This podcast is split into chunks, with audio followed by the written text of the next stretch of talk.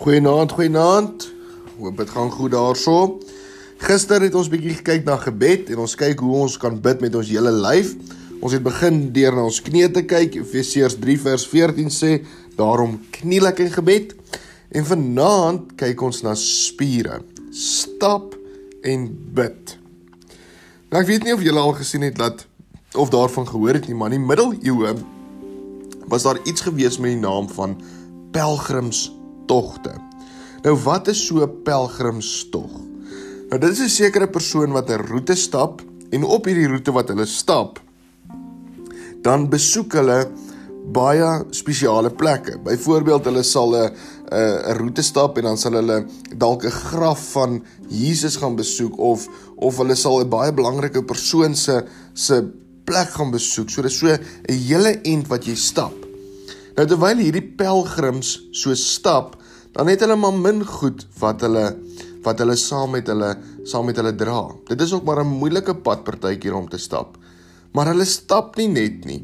Terwyl hulle stap, is hulle ook baie keer besig om te bid. Ja, hier in Suid-Afrika is daar ook so 'n pelgrimstog wat 'n mens kan kan stap en dit is die pelgrimstog van van hoop. Maar as ons terug gaan kyk, dan sien ons tot vandag toe nog is daar van hierdie groot pelgrimstogte wat 'n ou kan stap. Nou hierdie pelgrimstog wat jy stap is jy jy beleef iets van dit wat daardie persoon beleef het. Byvoorbeeld ons kyk na Jakobus en dan sien ons Jakobus het so 'n pelgrimstog wat hy aangevat het en wat hy gestap het. En ons sien dat dat hy tot in Spanje gegaan en daardie woord gaan verkondig. En so het hy die woord verkondig en tot hy op die einde van die dag dood is daar in in Spanje. Tot vandag toe nog kan mense daai selfde roete stap en bid op daardie pad wat wat wat Jakobus gestap het en dit is die Camino de Santiago. Dit is 'n baie bekende pelgrimstog wat jy kan aanpak. Maar soos ek gesê het, terwyl die mense hierdie pelgrimstogte aanpak, deur die dag is hulle hard besig en in die aand is hulle moeg. En dan sien ons ook baie keer Hulle sal bid vir krag, hulle sal bid vir geloof en vir liefde. En dit is presies wat ons hierso in in Efesiërs se volgende verse gaan gaan raak lees. Ons gaan sien hoe Paulus ook gebid het vir vir krag en vir liefde en geloof.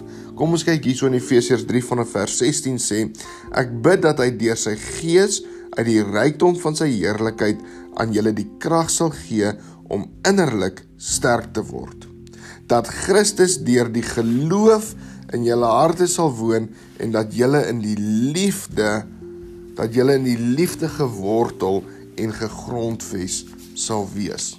Daar's so drie vrae waaroor ons gaan gesels. Vertel bietjie van 'n keer wanneer jou spiere seer was van stap of oefen. Nou, wat het dit beter gemaak? As jy so baie rugby geoefen het en jou spiere seer of jy hokkie geoefen of netbal en jou spiere is so kwai seer, wat doen jy om dit beter te maak?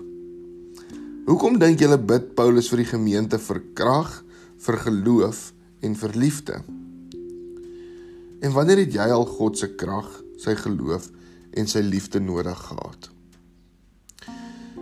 Iets wat ek baie keer van hou om te doen is en julle kan dit ook dalk doen, is om bietjie bewus te raak van van van wanneer jy loop of wanneer jy in die natuur is om met God te praat. Ek sal baie keer wanneer ek sommer net so fietsry of of 'n entjie stap of so, sal ek stil raak en ek sal met die Here praat. En dan voel dit vir my ook so dien ek die Here op op die manier. Al oefen ek of al is ek besig, dit is my manier om ook met die Here kan praat. En dalk kan jy 'n bietjie gaan kyk op die internet, gaan kyk 'n bietjie na die pelgrimstog van hoop. Daar's 'n baie oulike 'n uh, video klip oor dit en daar's 'n artikel wat jy ook kan gaan lees rondom dit. Dalk maak dit jou lus om ook so eendag 'n een pelgrimstog te gaan aanvat waar jy ook met jou spiere moet moet moet werk en waar jy gaan stap en bid. Maar kom ons kniel vanaand. Kom ons sit ons hande bymekaar wat ons herinner aan ons spiere en dan kom ons bid saam. Here Dankie vir u grootheid en u almagtigheid. Here, dankie dat ons U met ons hele liggaam kan loof en kan prys. Dankie dat ons kan bid vir krag, vir geloof en vir liefde. Want dis iets wat ons elke dag nodig het. Here gebruik ook so ons hele liggame, ons spiere, ons alles om U te dien en U groot te maak. Dankie dat ons vir U kan bid vir vir krag en vir geloof en vir liefde, ook vir hierdie tyd wat voorlê. Ons het krag nodig om deur elke dag te kom. Ons het geloof nodig om so ook op die toekoms te kan fokus. En dan het ons liefde nodig. En dis iets wat hierdie land van ons baie baie kort en dit is die liefde. Geef ons sommer hoop en liefde, liefde vir mekaar en liefde vir mekaar se besittings. Dankie dat ons dit vir U kan vra, o Here. Amen. Mooi aan verder, lekker leer.